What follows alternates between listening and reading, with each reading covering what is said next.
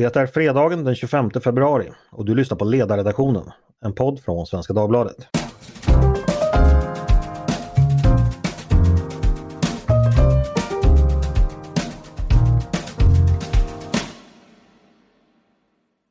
Välkomna! Jag heter Andreas Eriksson. Det här brukar vara en relativt ljus tid på året. Dagarna blir längre, vintern går mot sitt slut, ljuset återkommer och vi väntar på att de första vårblommorna ska spira. Det är dessutom sportlovstider med allt vad det innebär av nöje och rekreation. Just nu är det tyvärr annat som sysselsätter våra tankar eh, och så även här i podden förstås. I veckan gick ju Ryssland till väpnat angrepp mot sitt grannland Ukraina. När vi spelar in detta så offrar ukrainska män och kvinnor sina liv för att försvara sina hem från en fiende som syftar till att krossa deras land och förslava deras folk. Den här händelseutvecklingen kommer givetvis också att bli huvudtemat i dagens panelpodd. Då jag som vanligt på fredagar samlat kring mig i Svenska Dagbladets ledarredaktion för att tala om veckans händelser. Men det är ju så att eh, livet och vardagen pågår också så vi ska förstås också hinna prata om lite andra frågor. Med mig i alla fall har jag idag redaktionens biträdande chef Peter Wennblad. Välkommen hit! Tack så mycket! Nu är det ju som framgick i podden igår att eh, vår chef Tove är bortrest och hade tänkt ha lite semester faktiskt i London även fast det inte blev så mycket. Men det här var väl en eh, speciell vecka att gå in som operativ chef Peter? Ja, vi, vi har etablerat en, ett mönster här under året jag har varit på ledarredaktionen. Att varje gång Tove försöker vara ledig så inträffar det en, en stor nyhetshändelse. Att, här, eh, det, det, för oss som vill ha lugn och ro låter det som att Tove ska då vara i tjänst eh, ständigt och jämt från och med nu helt enkelt. ja, precis. Man kanske får se hennes arbete som en fredsbevarande insats. Exakt, vi försöker sälja in det till henne. Eh, den ni hörde skratta, det var Maria Ludvigsson, ledarskribent. Välkommen hit Mia! Tack så mycket! Hur har din dag varit? Eh, lite upphackad sådär. Jag, jag måste säga att eh, veckans händelse känns fortfarande. Det, eh, jag är fortfarande lite skärrad över att det faktiskt är krig i Europa. Men det får mm. vi väl återkomma till. Så det har varit lite både och idag. Det är nog vi alla. Eh, slutligen har vi också förstås med oss Mattias Svensson. Välkommen hit! Tack så mycket! Hur har du det på din, på din front? Eh, jo, men eh, bättre än igår får jag väl ändå säga när jag vant mig vid, eh, vid tanken. Men, men det var väldigt tungt igår eftersom Ukraina har en särskild plats i mitt, i mitt hjärta genom att vi har eh, familj därifrån. Mm. Just det. det. Vi kan kanske återkomma till det. Eh, jag eh, tänkte börja med att prata, vi hade ju podd igår då, då Tove och Olof Ehrenkrona, redaktionens med, medarbetare, pratade om det som har hänt. Eh, vi vet ju än så länge, liksom alla andra, ganska lite om vad som sker på marken. I inledningen av krig så går uppgifter hit och dit eh, och vi är ju inte så att säga, den primära nyhetskällan där utan ska försöka mer reflektera vad det betyder för, för svensk del och, och politiskt. Eh, tänkte börja med dig Peter. Vad, vad har du tänkt under de här dagarna som har gått sedan kriget inleddes? Vad, vad är det för frågor som du tycker har aktualiserats och, och eh, diskuterats i Sverige och vad har du reflekterat kring detta? Ja, men jag tror att vi alla känner lite grann att vi sitter verkligen både bildligen och bokstavligen på läktaren. Mm. Man, man, man famlar liksom efter, både som person och som, som politiskt intresserad och politiskt aktiv. Man måste säga vad, vad kan man göra? Vad ska man göra? Vad kan man göra? Men man landar hela tiden i saker som... Man känner sig väldigt maktlös. Det är lite grann som att diskutera vilka flaggor ska jag vifta med på läktaren? Alltså i mm. slutändan så har vi ju begränsat inflytande över det spel som pågår. Alltså det som, det som händer på marken. Så att jag tror att det är framförallt det som jag har tänkt och känt. Den där frustrationen över eh, man inte riktigt vet vilken, vad vi kan och ska göra. Mm. Mia, känner du likadant? Ja, jag tänkte, precis tänkte just frustration är rätt ord. Och det är också... Alltså, när jag var liten då var det det kalla kriget och då var man rädd för ryssen. Och det var, det var verkligen ett reellt hot och det fanns liksom alltid närvarande.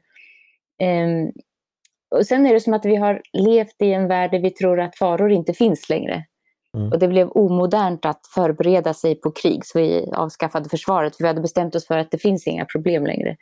Och nu står vi där med eh, en, liksom en ny sanning på något sätt. Att det är fortfarande farligt i världen. Mm. Och det kommer fortfarande från öst.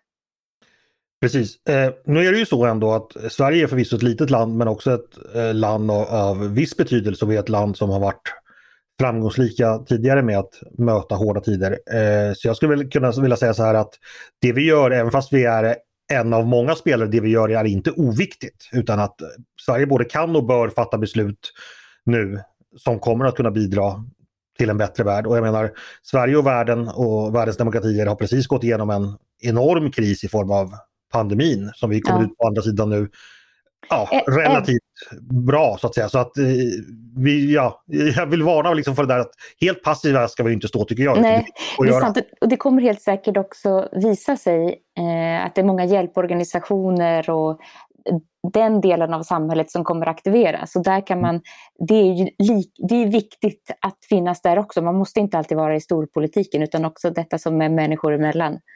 Eh, där kan man bidra i högsta grad. Mm. Som jag uppfattar det, eh, ni får protestera ifall jag har fel, så, så i alla fall de, de akuta frågorna som Sverige har, står inför nu, det är ju dels hur vi ska agera tillsammans med övriga demokratier för att hitta sanktionsmedel mot, mot Ryssland som verkligen fungerar och känns. Det är en fråga. En annan är då hur vi som, som enskilt land och bilateralt kan bistå Ukraina med vapen eller annan hjälp. Det har ju kommit propåer om det. En tredje fråga då som är också mycket konkret är hur vi ska förhålla oss till eh, när vi bygger upp vår egen försvarsmakt. Där det finns ett försvarsbeslut som nu är ja, bara två år gammalt men redan verkar passerat. Och det fjärde är då NATO-frågan. Eh, och kring alla de här områdena finns det ju saker att diskutera och göra. Eller tänker jag fel? Eller vad säger du Mattias? Nej, du tänker helt eh, rätt. Eh, alltså det, i, i, i en orolig tid eh, så, så stiger försäkringspremien eh, och till den hör ett, eh, ett starkt försvar. Eh, och det är ju sånt man, eh, man helst hade betalt in och varit förberedd på eftersom det är väldigt, väldigt långa ledtider redan innan och det är ju, det är ju liksom ett, eh, borde ha varit ett starkare argument för att, för att hålla mer av av infrastrukturen. Men, mm. men vi har ju ändå investerat de här åren i att bygga eh, trygghet och fred i vår närhet. Det ska vi inte glömma bort. Vi har tre fria grannländer på andra sidan Östersjön som är, är rika, som är våra partners, som är eh, vänskapligt sinnade nationer där, där det tidigare fanns en unison fiende.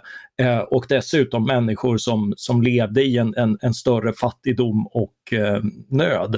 Så eh, så det, det, har inte varit förgäves att, och inte liksom naivt att satsa på demokratisering, handel och liknande. Norden är säkrare på väldigt många sätt på grund av de investeringarna. Men Ryssland har utvecklats i en annan riktning och är därför hotet. Mm, tyvärr är det så. Eh, Peter släpper in dig här. Vad, vad, tänker du om det jag sa det här att det finns saker att diskutera i högsta grad nu som ja, kanske är mer angeläget än tidigare? Ja, så är det ju definitivt.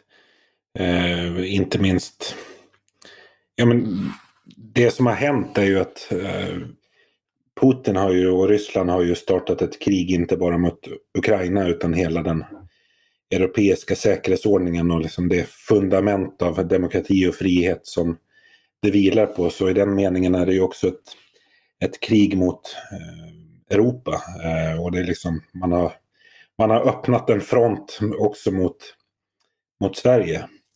Mm. Eh, och, så att vi står ju, det är ju på det sättet är det ju så ta, tabla rasa-läge som är väldigt sällsynt. Det är ju väldigt sällsynt i politiken att man hamnar i ett läge där man så här, nu måste vi börja på ett blankt papper. Det är en, en helt ny, ett helt nytt läge eh, som vi måste förhålla oss till och göra eh, det bästa av. Mm. Och jag tycker, att, jag tycker att vi är där, men tyvärr tycker liksom diskussionen hittills i den liksom svenska kontexten med vad vi ska göra har varit där har det nästan framstått som att det här inte, alltså det är klart att det är en stor grej men att men att det inte har någon avgörande påverkan på, på vår säkerhets och försvarspolitik och det är ganska svårt att förstå.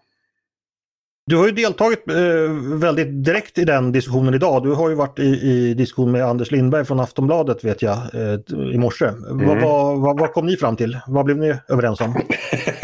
Nej, vi blev inte överens om någonting. Det, är bra. Det, var, det, var, det var precis som vanligt. Ja. Nej, men jag, det jag sa där och som jag har även sagt på sidan är ju, det rörde ju, här diskussionen i morse var ju specifikt om liksom, svenskt NATO-medlemskap. Mm. Eh, men så här, om, inte, om vi inte ska överväga NATO-medlemskap nu, när ska vi då göra det? Alltså, det blir ju mm. inte ett, det blir inte ett bättre läge, alltså så snabbt som det går nu, så snabbt som det förändras eh, så behöver vi ju agera så snabbt vi kan. Liksom. Det är väldigt svårt att se framför sig ett scenario där det är mindre riskfyllt att ta, säkerhetspolitiskt riskfyllt att ta ett sånt eh, steg om två år än att göra det nu. Mm. Eh, och Anders Lindberg, eh, det lät på ditt skratt där som han inte riktigt höll med om detta. Nej, alltså han, han menade att vi, vi, vi har vår Hultqvist-doktrin som i ärlighetens namn inte riktigt förstod innebörden av men att den, den hjälper oss väl i det här eh, läget. Och att NATO-medlemskap eller så här, öppna upp för ett NATO-medlemskap är det eh, sämsta vi ska, som vi kan göra. Mm. Så att, nej, vi, vi kan inte säga att vi mötte varandra halvvägs. Jag lockas nästan att parafrasera Stalin av alla människor just nu och fråga hur många divisioner har Hultqvist-doktrinen? Eh, kan man kanske fråga sig. Mia, eh, NATO-frågan och frågan om eh, att stärka Försvarsmakten. Båda saker som kan bli inrikespolitiska diskussioner om i Sverige. Vad tänker du de kommer landa? Mm, jag undrar ja. Det kan, jag tänkte faktiskt så här, hade, det varit, hade man sagt precis samma sak om NATO-frågan idag om det varit en borgerlig regering? Det kan ju faktiskt vara sånt som man säger när man sitter som regering, att det är vissa saker som man måste säga av säkerhetspolitiska skäl. Mm. Och då är det desto viktigare att de som inte sitter i regeringen driver den frågan. Eh, och att man kan ju också se det som det som händer nu kan ju få det goda med sig att vi inser, eller fler än de partierna som idag vill ansluta till NATO inser att vi har verkligen behov av det. Mm. Jag kan också, I debatten så finns det det här uttrycket att den och den ordningen har tjänat oss väl. Den mm. har jag lite svårt för, för den antyder på något sätt att eh, försvar och, och, säkerhetspolitik bara handlar om vårt eget bästa, men det är ju större än så. Det tycker jag också borde få plats i den här frågan om NATO. Mm, just det. Jag tyckte det Mattias sa också viktigt det här med att eh, den värld vi har idag, det är ju inte så att vi återgår till världen som den såg ut 1989 utan det som har hänt sedan dess det är ju att en generation central och östeuropeer har kunnat leva och växa upp i, i både frihet och också ett betydligt större välstånd än de hade kunnat göra annars. Och rent, rent privat, min familj vi besöker ofta Tallinn, vi har vänner där. Och att besöka Tallinn nu jämfört med, med för, för 20 år sedan och sådär, är ju det är en fantastisk utveckling som har skett där och man ser både på människorna och på näringslivet och, på husen och på allting. Liksom, hur, vilken otrolig utveckling som, som Estland och även de baltis, andra baltiska staterna gått igenom. Vilket hade varit helt omöjligt ifall de fortfarande hade mm. funnits kvar i, i Sovjetunionen. Eh, Mattias, tänkte vända mig till dig. Du, du, skrev ju en lite mer personlig text om, om Ukraina och eh, dina minnen därifrån. Kan du bara kort berätta, vad handlade det om? Ja, alltså jag hade ju förmånen att vara där i eh, en månad ungefär 2004 på våren. Den orangea revolutionen inträffade ju sen på eh, vintern eh, och över i nästa år där. Eh, men eh, eh det gjorde ju intryck och, och, det kom tillbaka när jag då såg eh, rök därifrån Charkiv i, i nordöstra Ukraina där, där jag tillbringade mycket tid.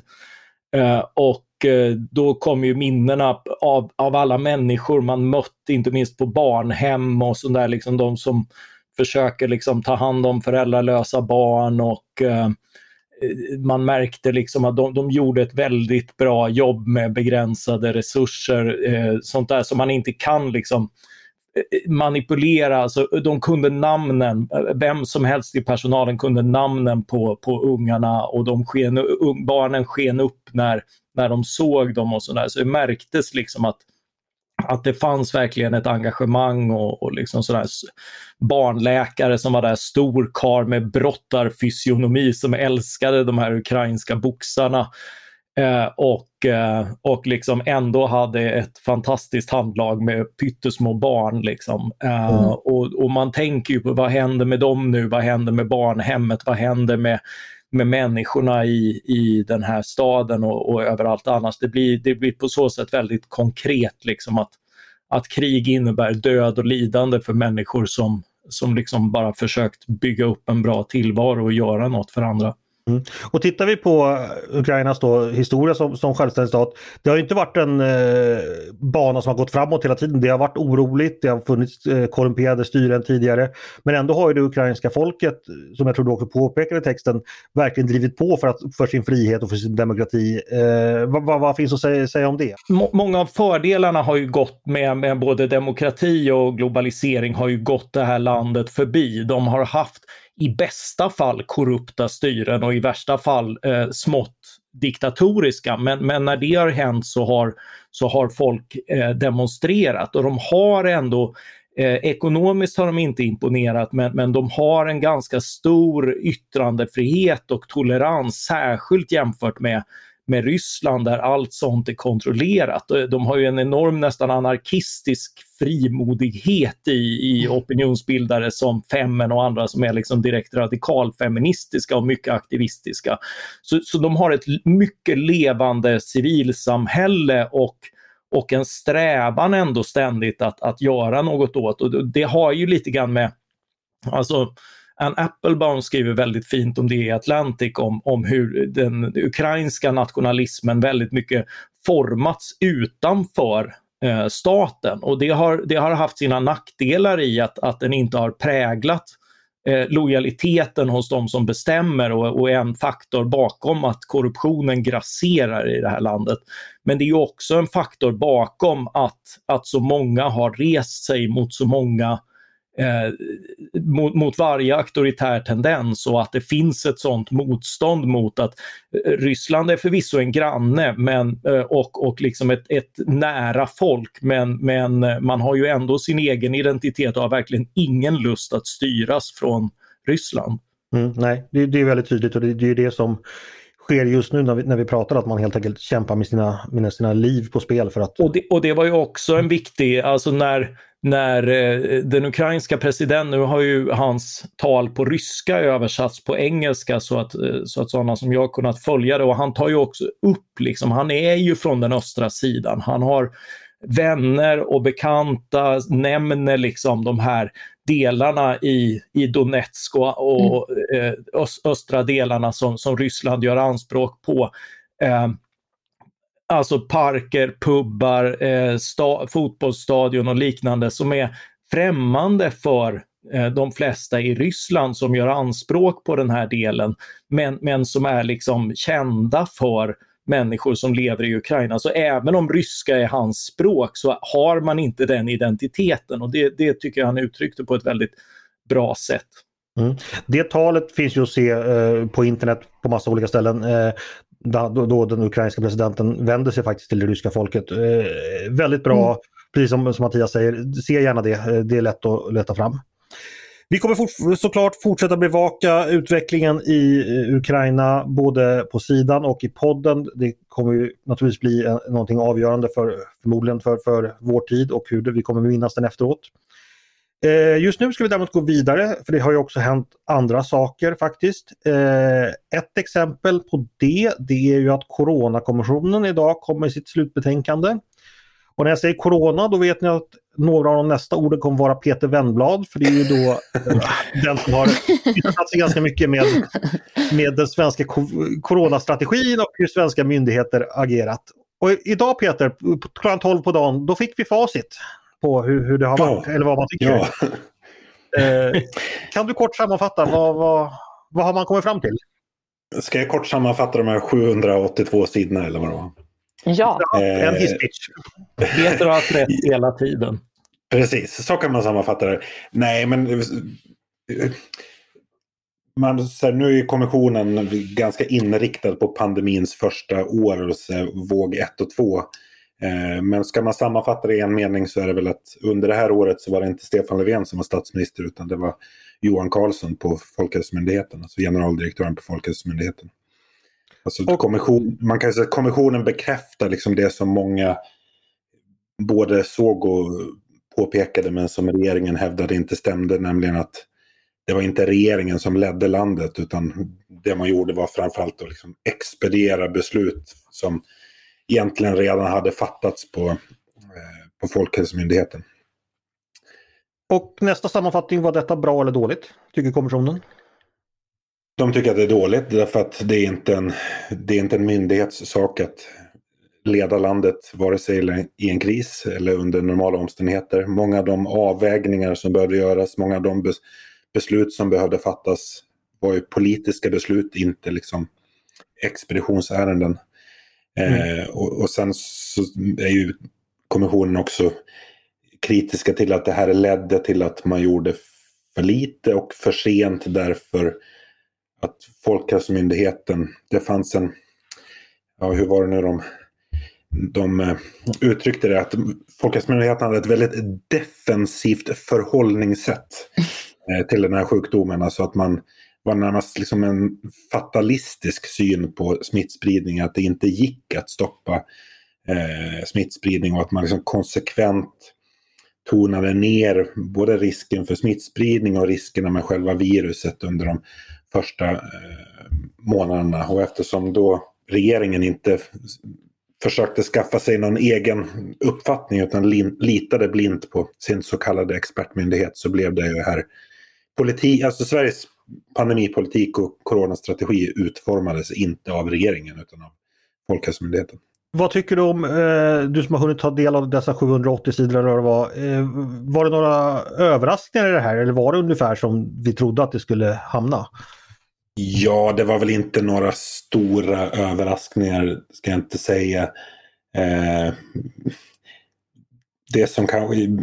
Det är, det är rätt tuff kritik mot Folkhälsomyndigheten. Alltså det är ju det är alltid regeringen som bär det yttersta ansvaret. Och, eh, men det är rätt tuff kritik mot, eh, mot Folkhälsomyndigheten för att man liksom inte såg det som var så tydligt för många andra. Och, eh, att man hela tiden gjorde felaktiga bedömningar, underskattade riskerna.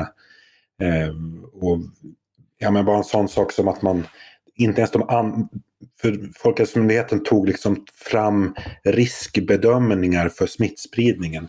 De andra myndigheterna förstod inte ens att det här var ögonblicksbilder, inte några prognoser. Det vill säga de var mm. helt eh, meningslösa. De gick inte att använda för att vad säga, planera framåt eller vidta eh, åtgärder. Så att, eh, det är en rätt dyster bild av eh, Folkhälsomyndigheten och som nästan känns att det har funnits en, en väldigt stark kultur, närmast en liksom epidemiologisk ideologi på, på eh, mm. Folkhälsomyndigheten som har fått styra det här.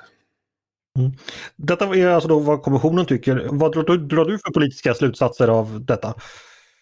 Jag känner ju, om man ska bli lite så personlig, alltså mitt engagemang i den här frågan föddes av precis de skäl som Coronakommissionen beskriver att väl i betänkandet idag. Jag hade inte några starka synpunkter på strategin eller liksom hur tuffa åtgärder vi skulle sätta in mot smittspridningen i början utan det var bara det här glappet mellan vad jag själv kunde se i min egen verklighet. Alltså, eller som jag själv kunde se på de grafer och som Folkhälsomyndigheten visade upp på sina presskonferenser och det som kom ut ur deras mun och det stämde liksom inte överens. Eller, nej, det, var, det var ju som en tvål, det var ju som en hal tvål hela det första året var egentligen vad som var strategin. Eh, ja, men och, även frustrationen över, över de här råden och rekommendationerna som, som Folkhälsomyndigheten utformade som var Ja, de skälpte ju mer än hjälpte genom att vara helt obegripligt formulerade. Eh, vi ska släppa in övriga. Eh, Mia, du har väl inte hunnit läsa men du hör Peter berätta. Mm. Eh, vad är det första du tänker på? det första är att man, man har Peter i närheten då så vill man ju ställa en, ett antal frågor om det här.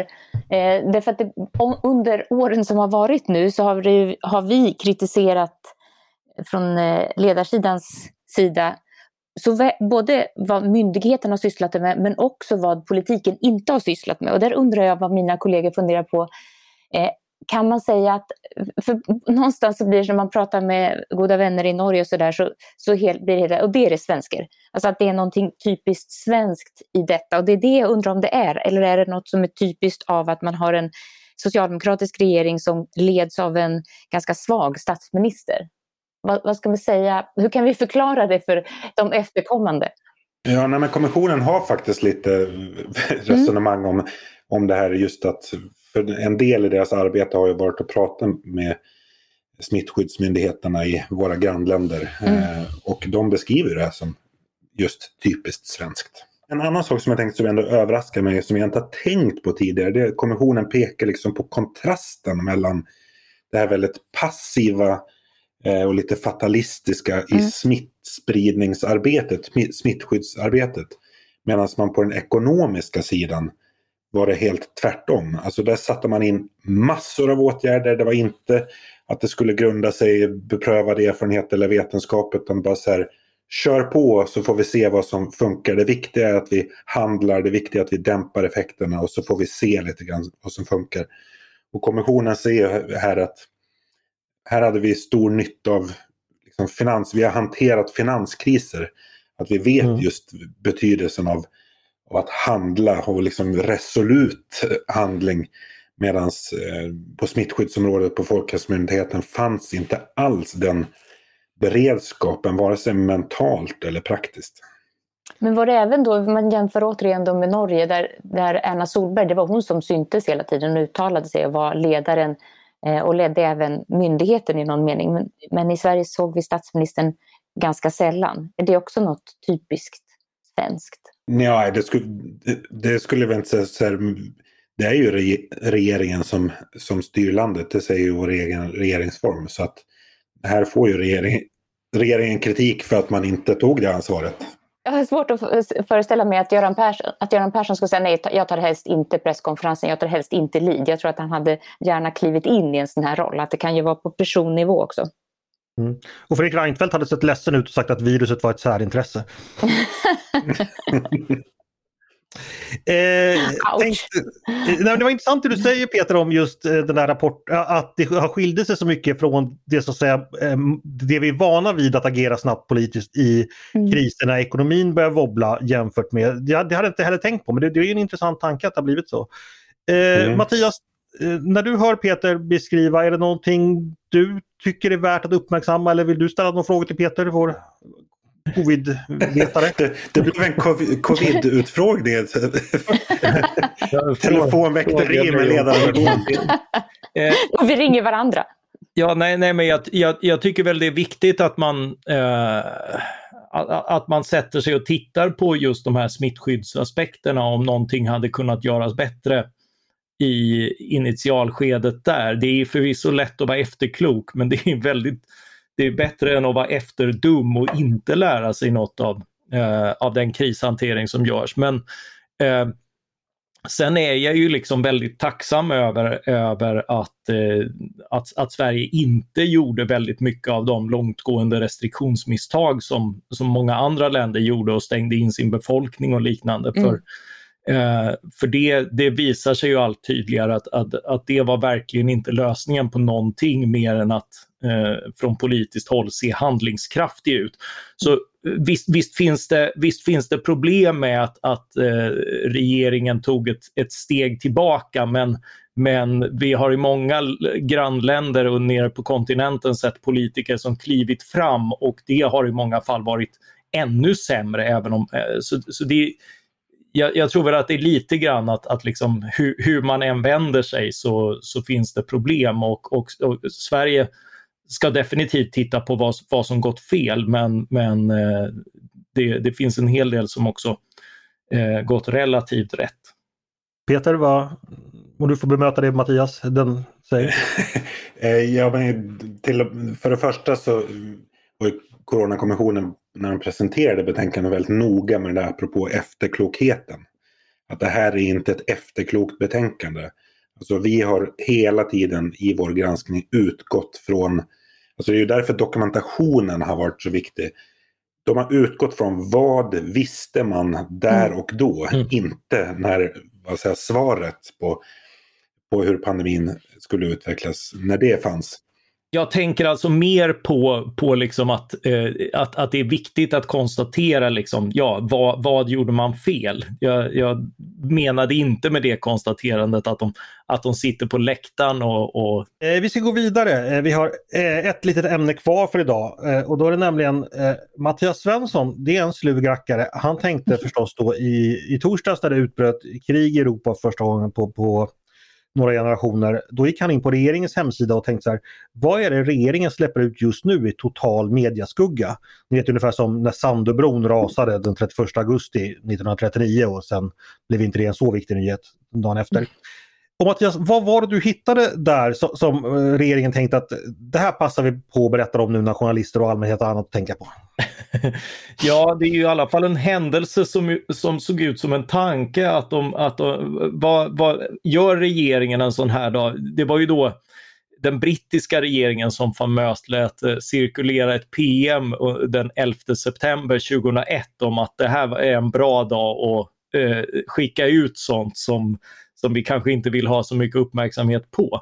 Mm. Eh, och om det är en händelse som ser ut som en tanke eller inte så kom i alla fall eh, regeringens hårdare regler för tobaksfria nikotinprodukter och e-vätskor ska stärka skyddet av barn och unga. Man vill bland annat förbjuda eh, smaksättning eh, av eh, vitt snus och eh, eh, e-cigaretter och andra tobaksfria produkter. Eh, och det här är ju liksom vår, vår beredskap att reglera minsta lilla njutningsmedel är i alla fall god och det kan, det kan förvisso trösta någon men, men det är ju ett, ett förslag som eh, inte bara är fånigt utan, utan faktiskt också hål i huvudet eftersom snus, liksom eh, e-cigaretter och annat är, är ju ett substitut till att dagligröka cigaretter som mm. ju är extremt skadligt om man ägnar ett eh, större delen av sitt liv åt det. Eh, medan däremot de här förvisso inte är några hälsoprodukter, det är det ingen som låtsas om.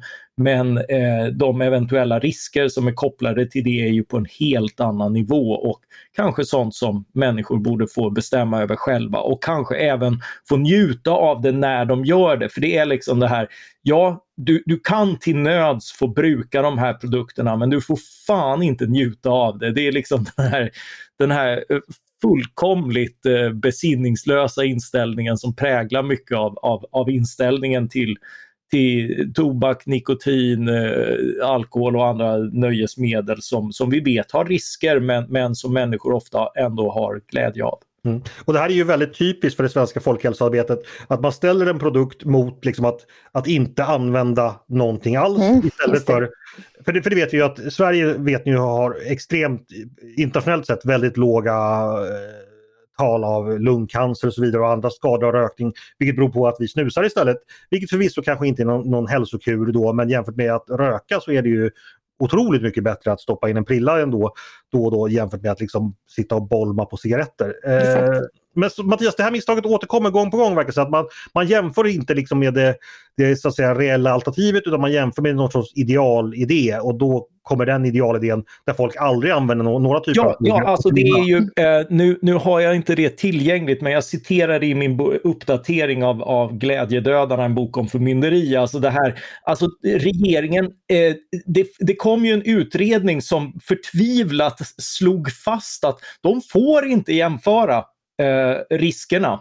Mm. Eh, Sveriges politik går ut på att all nikotin eh, är skadligt och alltså får man inte jämföra skadligheten och, och konstatera det uppenbara att vissa nikotinprodukter som de här e-cigaretterna eller snuset är mycket mindre farliga än eh, cigaretter.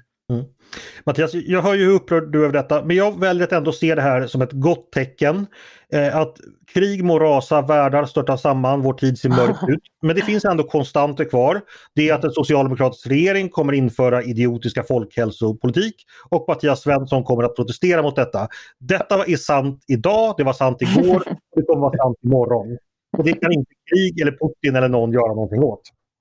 Jag är, jag, jag är väldigt glad att få leva i ett samhälle där jag får vara öppet missnöjd med regeringen i minsta fråga. Precis. Eh, och jag, jag, jag, ser detta som, som i alla fall förhoppning för framtiden att eh, du och regeringen i många, många år framåt kommer att fortsätta att stöta och blöta detta. Så, då börjar vi eh, landa dagens eh, podd tror jag. Och vi ska göra det precis som vanligt för att det är trots allt viktigt i dessa mörka tider att upprätthålla vardagen så som den ser ut. Det är en motståndshandling i sig. Och därför ska jag som vanligt ge panelen en liten fråga inför den stundande helgen. Det är till och med lönehelg nu också. Eh, den dag som, lönedag då som Peter Wennblad tidigare i podden har förklarat sig vill införa allmän flaggdag på. Nu ber jag er om ett litet tips inför helgen då om man känner att man kanske vill spendera lite av sina lönepengar på sig själv eller på andra eller på det allmännas bästa. Vad tycker ni man ska göra just i dessa tider? Jag tänkte vi kan börja med dig Mia, har du något förslag? Ja, det där var svårt. Eller egentligen inte. Jag skulle rekommendera var och en att gå ut och köpa ett par riktigt vackra skor. Mm, naturligtvis. Mm. Det, man bör alltid möta eh, våren och ljuset med vackra skor. Ja. Eh, Peter då, vad, vad, vill du på en sån här inofficiell vänbladsflaggdag tipsa om? Jag kan väl säga vad jag själv eh, kommer göra. Jag kommer lämna, av säkerhetsskäl kommer jag lämna eh, Gotland och bege mig till, eh, till fastlandet i helgen. Och där tänkte jag äta och dricka gott hela helgen. Det tänker jag, det är både bra för mig, för samhällsekonomin och för de statliga intäkterna. Mm, Ädelt. Mattias då slutligen, vad har du för förslag? Jag ska kasta mig iväg till eh, en eh, bokpresentation. Det är Sasha Filipenko från eh, Belarus som lever i exil därifrån eftersom det är en diktatur. Men hans roman Röda korset har översatts till svenska och han ska presentera den och sen ska jag eh, äta och dricka gott med vänner och jag tycker det är viktigt i sådana här tillfällen att att unna sig just det som gör ett fritt samhälle överlägset andra typer av samhällen så, så länge när vi påminns om hur, hur dyrbara de friheterna är. Exakt. Och du och jag Mattias, vi ska väl ifall det läget blir värre, likt borgarna på Stadshotellet i Hedeby, beställa in stort smörgåsbord. Och, ja. Med brännvin. med brännvin som Dr. Lundvall och... en sann patriot. ja, Dr. Lundvall och Cameron Myntzig och övriga ägnade sig åt. Ja, vi får se vad hamnar där. Själv ska jag också faktiskt gå på krogen. Eh, min hustru fyller år idag så jag tänkte att vi ska skjuta in lite färska pengar i den svenska eh, restaurangnäringen då som har haft hårda tider. Så det blir mitt tips att om man känner att man har lite pengar över så varför inte tillbringa och spendera de pengarna på en krog eller restaurang. Helt enkelt. Det är väl en bra idé. Mycket. Det skålar vi för. Det skålar vi för. Tack Mattias, Peter och Mia för den här panelen och för den här veckan. Tack, tack så mycket. mycket. Tack. tack. Och tack också till er som har lyssnat på Ledarredaktionen, en podd från Svenska Dagbladet. Varmt välkomna att höra av er till redaktionen med tankar och synpunkter på det vi har diskuterat eller om ni har idéer och förslag på saker vi ska ta upp i framtida poddar. Då är det bara att mejla ledarsidan snabel svd.se. Dagens producent långt uppe i Luleå, han heter Jesper Sandström. Själv heter jag Andreas Eriksson och jag hoppas att vi hörs igen snart.